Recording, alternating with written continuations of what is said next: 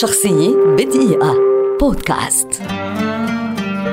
دارن أرونوفسكي مخرج سينمائي أمريكي شهير ولد عام 1969 ويعد واحدا من أبرز صناع الأفلام على مستوى العالم في وقتنا هذا.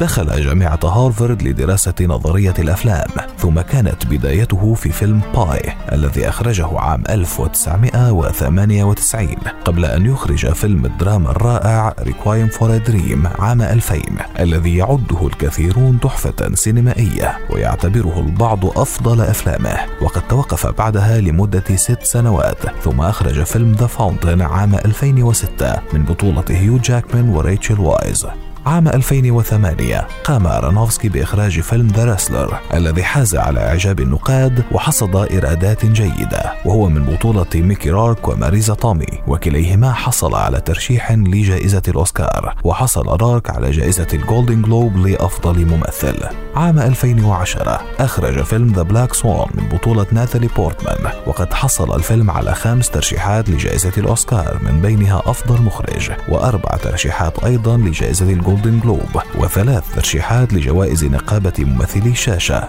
فيلمه السادس Noah صدر عام 2014 قبل أن يأتي عام 2017 فيلمه السابع Mother الذي أثار جدلا واسعا وحقق نجاحا كبيرا.